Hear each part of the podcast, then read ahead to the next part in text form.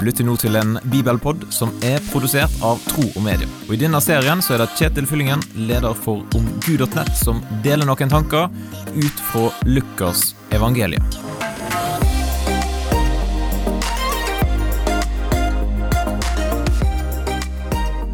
Hva er ditt eh, største problem akkurat nå?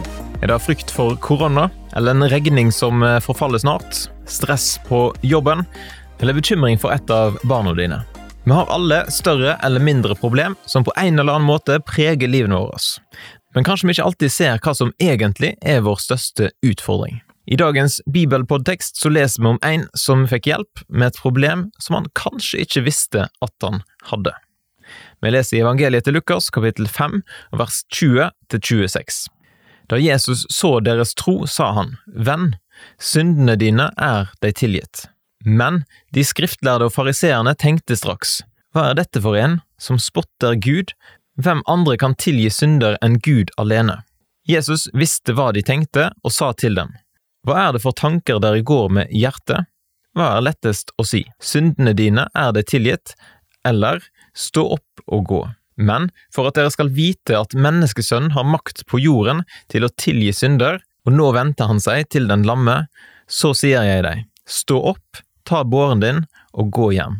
Og straks reiste mannen seg foran øynene på dem, tok båren han hadde ligget på, og gikk hjem, mens han lovpriste Gud.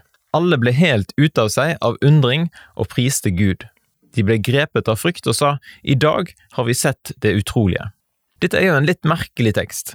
Jesus står der og ser en fyr komme ned gjennom taket på ei båre. Han har tydeligvis problem med beina sine.